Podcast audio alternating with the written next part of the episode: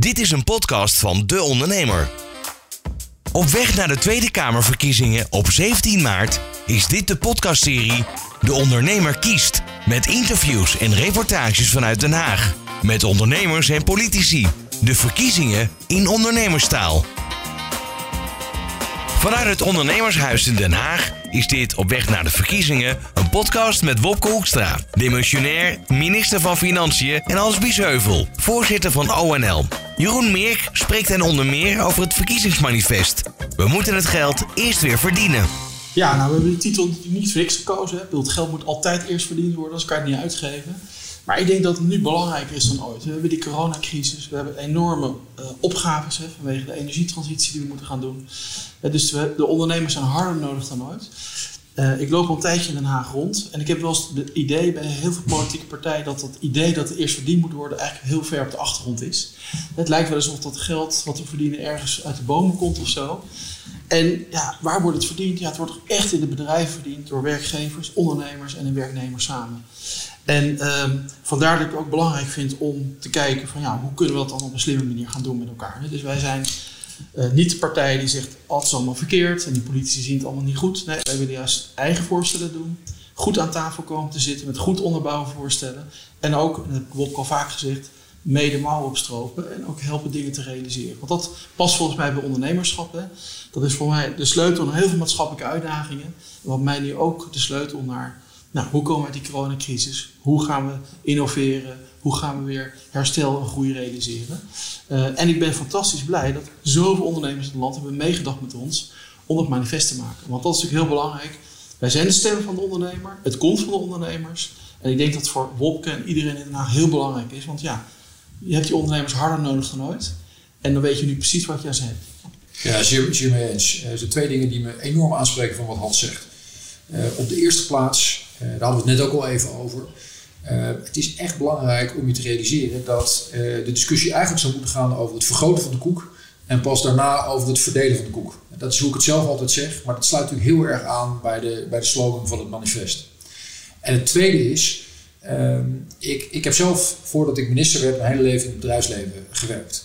En dat is helemaal geen onwil, maar wat Hans beschrijft klopt wel heel erg. Er zijn veel politici die toch in een hele andere omgeving zijn groot geworden. En uh, je gaat toch anders met geld om als je dat geld eerst zelf moet verdienen en je daarna de keuzes moet maken wat je ermee gaat doen. Uh, dus het, er is echt nog een wereld te winnen in het versterken van ook de dialoog tussen het bedrijfsleven, ondernemers aan de ene kant en politiek en bestuurlijk Den Haag aan de andere kant.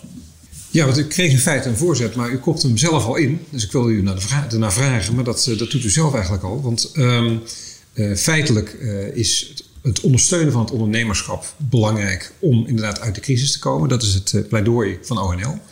Um, en ja, wat op dat vlak, wat zal dan uw eerste actie zijn als wij u terugzien straks in het nieuwe kabinet? Nou, wat ik natuurlijk heel bewust gedaan heb, overigens uh, samen met een aantal collega's in het kabinet, is massief de economie aan, uh, uh, aan de hart-longmachine van de overheid hangen tijdens de crisis. Vanuit de overtuiging dat ja, dit een crisis is die, die, die, die niemand heeft gewild, waar niemand iets aan kon doen, maar dat het ontzettend belangrijk is dat we al onze bedrijven overeind houden, zodat ze straks in de volgende fase ook weer door kunnen. Dat is één. Twee, uh, wij hebben een aantal fantastische, een groot aantal fantastische ondernemingen in dit land. En ik vind het ontzettend belangrijk dat we die voldoende ruimte geven om te doen waar ze het beste in zijn, namelijk ondernemen. En daarom heb ik bij het, het, schrijven van het uh, verkiezingsprogramma van het CDA, uh, maar ook überhaupt nadenken over de campagne, heb ik ook juist aan ondernemers uit de partij gevraagd: help nou met na te denken wat het meeste uitmaakt. En dan komen ze altijd op de boorregeling. Dan komen ze op zoiets als de WBSO. Dan komen ze op de innovatiebox en, en die nog weer naar beneden aan, aan, uh, aanpassen. dan, dan komen ze op de, hoe, hoe, regelgeving vaak in de, in de, in de weg zit. En dan zeggen ze, en dat vind ik ook ontzettend belangrijk om te zeggen, dan zeggen ze, weet je, het is niet eens dat we nou per se altijd alleen maar minder belasting willen betalen, maar het zou ook heel erg helpen als gewoon voorspelbaar is wat de overheid van plan is. Luisterend naar de, naar de ondernemers binnen en buiten het CDA, uh, ben ik natuurlijk aan de gang gegaan met ons verhaal voor ondernemers. Dus het is ook geen toeval dat, Hans constateerde dat eerder al, dat er gewoon een hele grote overlap zit in het verhaal van het CDA en het verhaal in het ONL-manifest. U, u, deed daar zelf ook uh, recent nog uitspraken over. Uh, dat ging over de situatie straks. Ja. Uh, waarbij u zei dat het een fabeltje is om de suggestie te wekken dat er geen bezuinigingen nodig gaan zijn in de toekomst. Maar toch terecht, terechte vrees bij veel mensen is dan natuurlijk dat, het, dat we een zware tijd tegemoet gaan. Nou, het is heel belangrijk om dat in de goede context te zien. Kijk, ik heb er heel bewust ook als minister van Financiën voor gekozen om massale steun ter beschikking te stellen. Echt onorthodox, is nooit eerder voorgekomen in de Nederlandse geschiedenis. Samen met eh, uiteraard de collega's in het kabinet. Vanuit de diepe overtuiging dat dat de beste manier is om banen overeind te houden en ondernemers gewoon door deze lastige fase heen te trekken. En je ziet ook, kijk naar de, naar de, naar, naar de werkloosheidscijfers, kijk naar de faillissementen, dat dat tot nu toe gelukt is. Bovendien hebben we natuurlijk nog weer een enorme uh, schep bovenop gedaan. 7,5 miljard extra vorige week. Mhm. Om dat ook tot het einde toe te kunnen uh, volhouden. Daar komt bij dat ik er zelf heel erg voor ben om juist die economie straks weer open te doen en als een tierenlier te laten draaien. En is het wat mij betreft, uh, zou er juist geen sprake moeten zijn van bezuinigingen. Omdat ik denk dat dat niet werkt. Ik denk dat voor de economie, voor de werkgelegenheid, voor ondernemers het verreweg het beste is om gewoon de boer weer open te doen. En eh, al het geld wat Nederlanders nu gespaard hebben, tientallen miljarden, om dat dan straks weer in de winkelstraten te kunnen laten uitgeven. Wat ik wel heb gezegd, en wat ik gisteren ook nog eens ehm, onder woorden heb gebracht richting een aantal van eh, de, de leden van de oppositie, of de voormalige oppositie moet ik zeggen, want het kabinet is demissionair, is dat ja, op voorhand in alle scenario's voor nu en alle eeuwigheid uitsluiten dat je nog weer een keer moet bezuinigen. Ja, dat is het vertellen van een fabeltje. Maar als u mij vraagt, moet dat op de korte termijn? Nee, geen sprake van. Dat zou een onverstandige keuze zijn. Ja, voor veel ondernemers is dat natuurlijk wel de hamvraag. Zij zijn bang dat zij ja, binnen niet al te lange tijd een rekening terug moeten betalen. Zij krijgen steunpakketten en sommige bedragen moeten ook weer worden afgelost. Uh, moeten ze dat komend jaar al doen? Wordt dat een volledige aflossing? Kan dat in fases? Want dat kan natuurlijk na zo'n crisis, ja. uh, kan het alsnog de nekslag zijn ja. voor veel ondernemers. Hoe kijkt u daarnaar? Ja, dat, dat is natuurlijk, het heeft natuurlijk geen zin om uh, iemand voor, voor de helft of voor driekwart te redden en daarna alsnog kopje onder te laten gaan. He, dan, waarom was je er dan aan begonnen? Dat is ook precies de inspiratie geweest achter die hele grote extra stap in dat steunpakket. En ten aanzien van die belastingmaatregelen hebben we dus ook gezegd, die, die regelingen die moeten echt voor jaren gelden. Uh, en we hebben ook al een paar keer uitgesteld het moment waarop je moest beginnen met terugbetalen. En ook verlengd de periode waarover je moet terugbetalen. Ik denk dat dat echt redelijk is. Uh, en dat we daar ook mee, mee door moeten. Daar komt nog bovenop dat we hebben gezegd. Laten we nou bij die ondernemers die echt in de knel komen. Laten we daar nou via de Belastingdienst ook gewoon maatwerk aanbieden. Nou, ik denk dat dat echt enorm gaat helpen. En dat we daar gewoon mee door moeten. Ja. Wordt dat dan ook een andere aanpak in de volgende kabinet dan, dan dat dat nu gebeurt? Dus nee, we zijn daar, uh, en ik heb daar zelf natuurlijk ook bovenop gezeten, we zijn er het afgelopen jaar al heel intensief mee bezig geweest. Overigens zie je, en dat is natuurlijk het goede nieuws, en dat is ook hoe ik ondernemers ken, in het tweede en derde kwartaal kwam het belastinggeld vanuit ondernemingen opeens weer uh, veel harder binnen, uh, met name het derde kwartaal, dan we eerder hadden verwacht. En als ik dan gewoon bij de bij mensen met een café of, of, of, of eh, mensen met een winkel of andere ondernemers uit de omgeving vragen van vertel nou eens, hoe zit dat nou? Dan zeggen zij ook, ja luister eens, op het moment dat het goed gaat, dan willen we gewoon van die rekening van die fiscus af. Laat ons nou gewoon weer ondernemen. Uh, ja, het heeft ook iets heel ontwapenends, dat je denkt, nou, weg met die rekening als het ook maar enigszins kan. Dan betaal ik die uh, en dan ben ik daar weer vanaf. Ja. Mag ik daar wat op zeggen? Want, Zeker. Kijk, ik vind nu namelijk wel een iets andere situatie dan in de zomer. Ik merk nu dat toch heel veel de reserves op zijn. Ja bedoel, in het voorjaar was het nog zoiets van, nou oké, we komen er wel doorheen. Toen kwam die mooie zomer eraan. Maar ik merk nu, het vet is van de botten. Het spaargeld zit erin. Er is weinig weerstandsvermogen meer.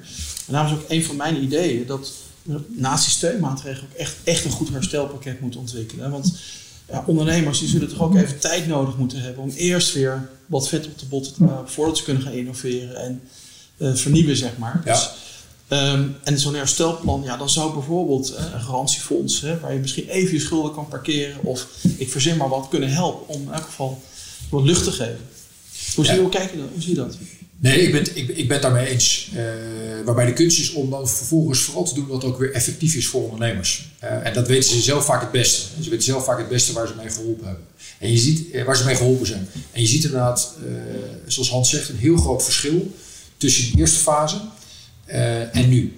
Want ik, ik vraag dan elke ondernemer die ik tegenkom. dus, dus de restaurants waar, waar en ik vroeger naartoe gingen en waar we nu gaan afhalen. Mensen die we kennen uit het dorp met een eigen winkel. Uh, vrienden die ondernemer zijn. en er waren er best veel die in die eerste fase, vond ik, nog behoorlijk positief waren. En toen eenmaal in de zomer de boel weer open was, nou, toen hoorde je ze helemaal niet meer. Toen waren ze gewoon bezig met business doen. En nu is er veel van het vet is van de botten. Niet in alle sectoren, maar wel in een heleboel. Nou, dat is ook de gedachte geweest achter die hele forse extra steunoperatie. Je moet je voorstellen dat we alleen al dit kalenderjaar geven we meer uit aan steun dan aan de totale begrotingen per jaar van Defensie, eh, van Justitie en van Economische Zaken samen. Om heel veel geld en toch is het nodig. Nou, dan is het laatste stuk is waar Hans naar verwijst. Hoe zorg je nou dat je ook weer eh, straks die doorstart kan maken? Ik denk dat het recept nog niet helemaal uit te tekenen is. Maar dat je wel in die volgende fase ook moet doorgaan met coulant zijn met, met, met, uh, met de belasting wanneer, wanneer mensen die moeten betalen. Dat je innovatie moet aanmoedigen door van die maatregelen als de WBSO en de innovatiebox. Nou, en ga zo maar door. Ja, het, is, het is wat wij als, onder, als de ondernemer ook vaak horen. Want we hebben in de aanloop naar deze interviews, want er zullen dan nog vele volgen. Uh, veel kleinere ondernemers, in horeca met name, die zij, maken zich zorgen of de zaak die zij in jaren hebben opgebouwd en ook succesvol hebben opgebouwd, die nu plat ligt en het heel slecht doet en inderdaad de reserves zijn op. Of die straks niet, als het allemaal voorbij is, door een hele grote horeca-tycoon wordt overgekocht. Uh, en dan staan zij met lege handen aan de zijlijn. Um, uh, wat, wat kunt u die ondernemers beloven? Nou, ik, ik, ik ben er echt van overtuigd dat als de boel straks weer open gaat en we echt die tientallen miljarden die er extra gespaard zijn, uh, dat we dan uh, ook weer een goede fase tegemoet gaan. Zeker voor de winkelstraten, maar ook voor veel horecaondernemers. tegelijkertijd moet je ook eerlijk zijn, je kan niet beloven dat iedereen het straks zal weten te overleven. Dat is, dat is ook onderdeel van, helaas, van de realiteit. Uh, maar als je ziet wat we in Nederland gedaan hebben, je vergelijkt dat met het buitenland, en je kijkt wel naar de effectiviteit, maar ook hoe fors die regelingen zijn, nou, dan mag je denk ik wel zeggen uh, dat we, en ook dat ik als minister van Financiën, dat we echt alles op alles hebben gezet om nou, zo goed mogelijk ondernemers hier doorheen te trekken. En ik wens het al die hardwerkende ondernemers ook gewoon enorm toe. Want het is, ik spreek echt mensen met tranen in hun ogen, die zeggen ja, jarenlang aan gewerkt, soms de tweede of de derde generatie nou een winkel is of een, of een restaurant. Ehm, eh, dus ja, de, de, de, we gaan echt alles op alles zetten om straks de boel weer open te doen. En wat mij betreft spreken we ook met elkaar af dat we massaal weer op de terrasjes gaan zitten, massaal weer uit eten gaan en, uh, en, en, en dat geld uit die spaarpot uh, weer gaan uitgeven in winkelstraten. Uh, maar ik vind wel dat we meer stappen moeten zetten op het gebied van een eerlijke economie. Uh, omdat ik denk dat juist voor onze middenklasse, die hele grote groep Nederlanders, uh, soms mensen met een eigen zaak, soms, soms, mensen die actief zijn bij de overheid, mensen die waar dan ook in het bedrijfsleven actief zijn, ehm, dat die groep, ehm, die moeten we meer stutten. Die is er qua zekerheden, is die er te weinig op vooruit gegaan. Er zijn te veel mensen die zich zorgen maken over een vast contract, die zich zorgen maken over hun kind of hun kinderen wel aan een huur- of koophuis kunnen komen. Die zich zorgen maken over of hun kinderen, als die daar wel het talent voor hebben, eigenlijk wel kunnen gaan studeren, maar dan niet met een dikke vette rekening zitten. En ik denk dat we dat moeten aanpakken. Uh, omdat het voor, voor de overheid, voor de samenleving als geheel, maar ook voor ondernemers, is een stabiele en florerende uh, middenklasse is gewoon ontzettend belangrijk. Ik zie Hans knikken. Ja, nou ja, ik wil toch, dan ben ik dat punt nog even terug naar mijn manifest. Hè, want daar sta ik natuurlijk voor. Ik hoef gelukkig geen verkiezingen te winnen, zoals jij. Maar uh, want die middenklasse, dat is natuurlijk het MKB. Hè? En Zeker. de afgelopen jaren, en ik zeg dat gewoon een beetje zwart-wit, en niet tegen jou persoonlijk, maar is toch het gevoel bij heel veel MKB'ers, ja, staan we wel voldoende op de kaart. Hè? En natuurlijk, nu zijn er heel veel miljarden naar het MKB gegaan. Daar is iedereen heel dankbaar voor. Maar tegelijkertijd ken je ook de discussies over het UBO-register. Zeker. Over de, over de DGA-tax en al die onderwerpen meer. Waarbij ondernemers het gevoel hadden, hé, hey, we krijgen die rekening gepresenteerd. Tegelijkertijd horen we van die politie steeds, ja, we zijn zo belangrijk voor die verdienkracht van Nederland. Hè? Wat, wat kan je aan die MKB'ers beloven? Nou, precies wat ik uh, uh, natuurlijk in het, eerder in het gesprek ook heb gezegd. Kijk, het is niet voor niks uh, dat ik, nou helemaal niet alleen maar ik, maar dat we ons natuurlijk echt massaal hebben hard gemaakt voor die, voor die hele forse steunpakketten. en daarnaast, ja, kijk naar wat wij in het CDA-verkiezingsprogramma zetten over de maakindustrie. over innovatie, over de boor, over voorspelbaarheid op het gebied van belastingen. Dat zijn dingen die heel erg lijken wat in, in jouw manifest staat. En dat is geen toeval.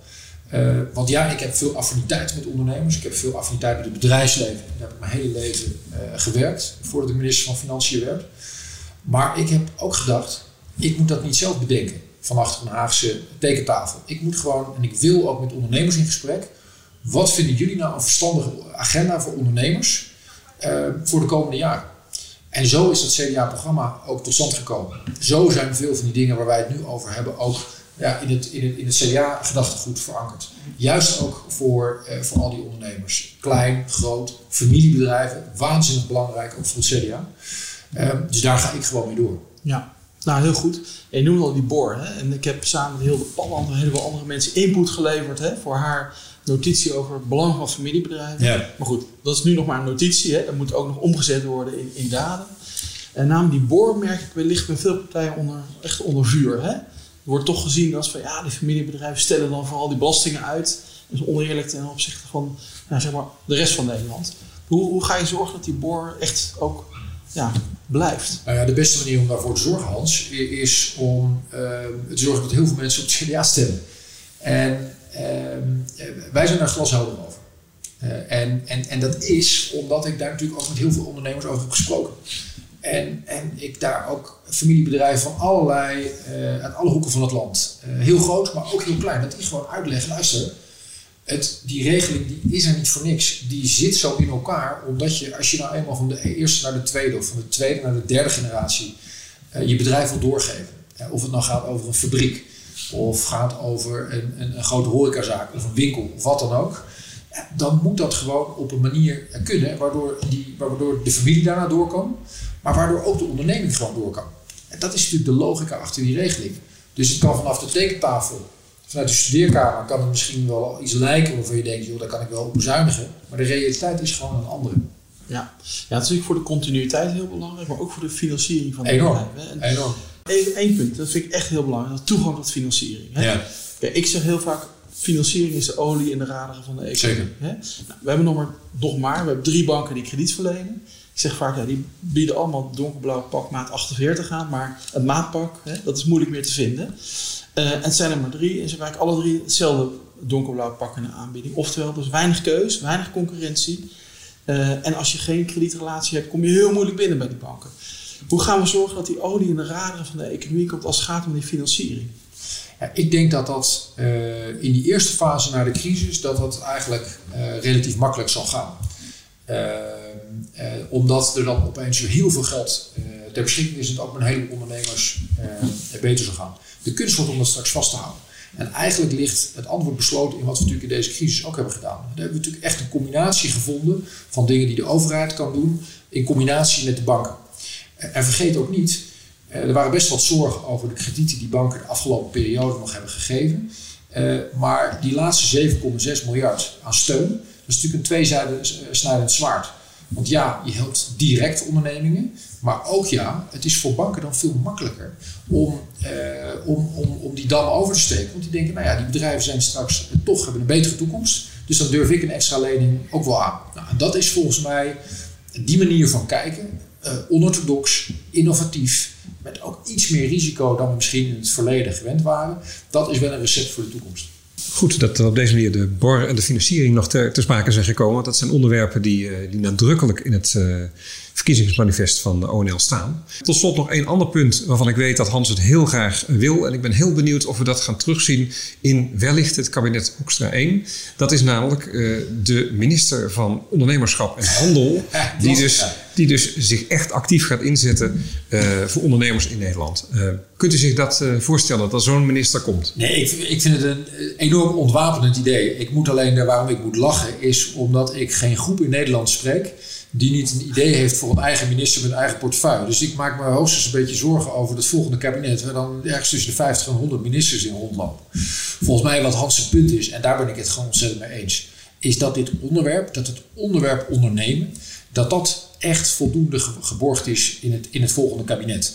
En dat er ook voldoende mensen in zitten die affiniteit hebben met, met ondernemen, met het bedrijfsleven. En, want het, het maakt namelijk gewoon uit of mensen die taal spreken. Of die weten wat er op de werkvloer gebeurt. Of die ja, toch ook in, in, in eerdere fases van hun leven het bedrijfsleven hebben leren kennen. Uh, dus daar wil ik me hard voor maken. En dan gaat Hans het me wel vergeven dat ik niet 20 extra ministers heb gecreëerd. Nou, ik zie Hans glimlachen, dus ik krijg de indruk dat dat wel goed komt als uh, de rol van de ondernemer maar goed wordt gezien door de Absoluut. politiek. Uh, dan rest me nog om u veel succes te wensen in de verkiezingscampagne. En uh, dank voor uw aanwezigheid in deze podcast van De Ondernemer Kiest. Veel dank. Hans, dankjewel. Dankjewel. De Ondernemer Kiest is een podcastserie van De Ondernemer en ONL. Opgenomen in het Ondernemershuis in Den Haag.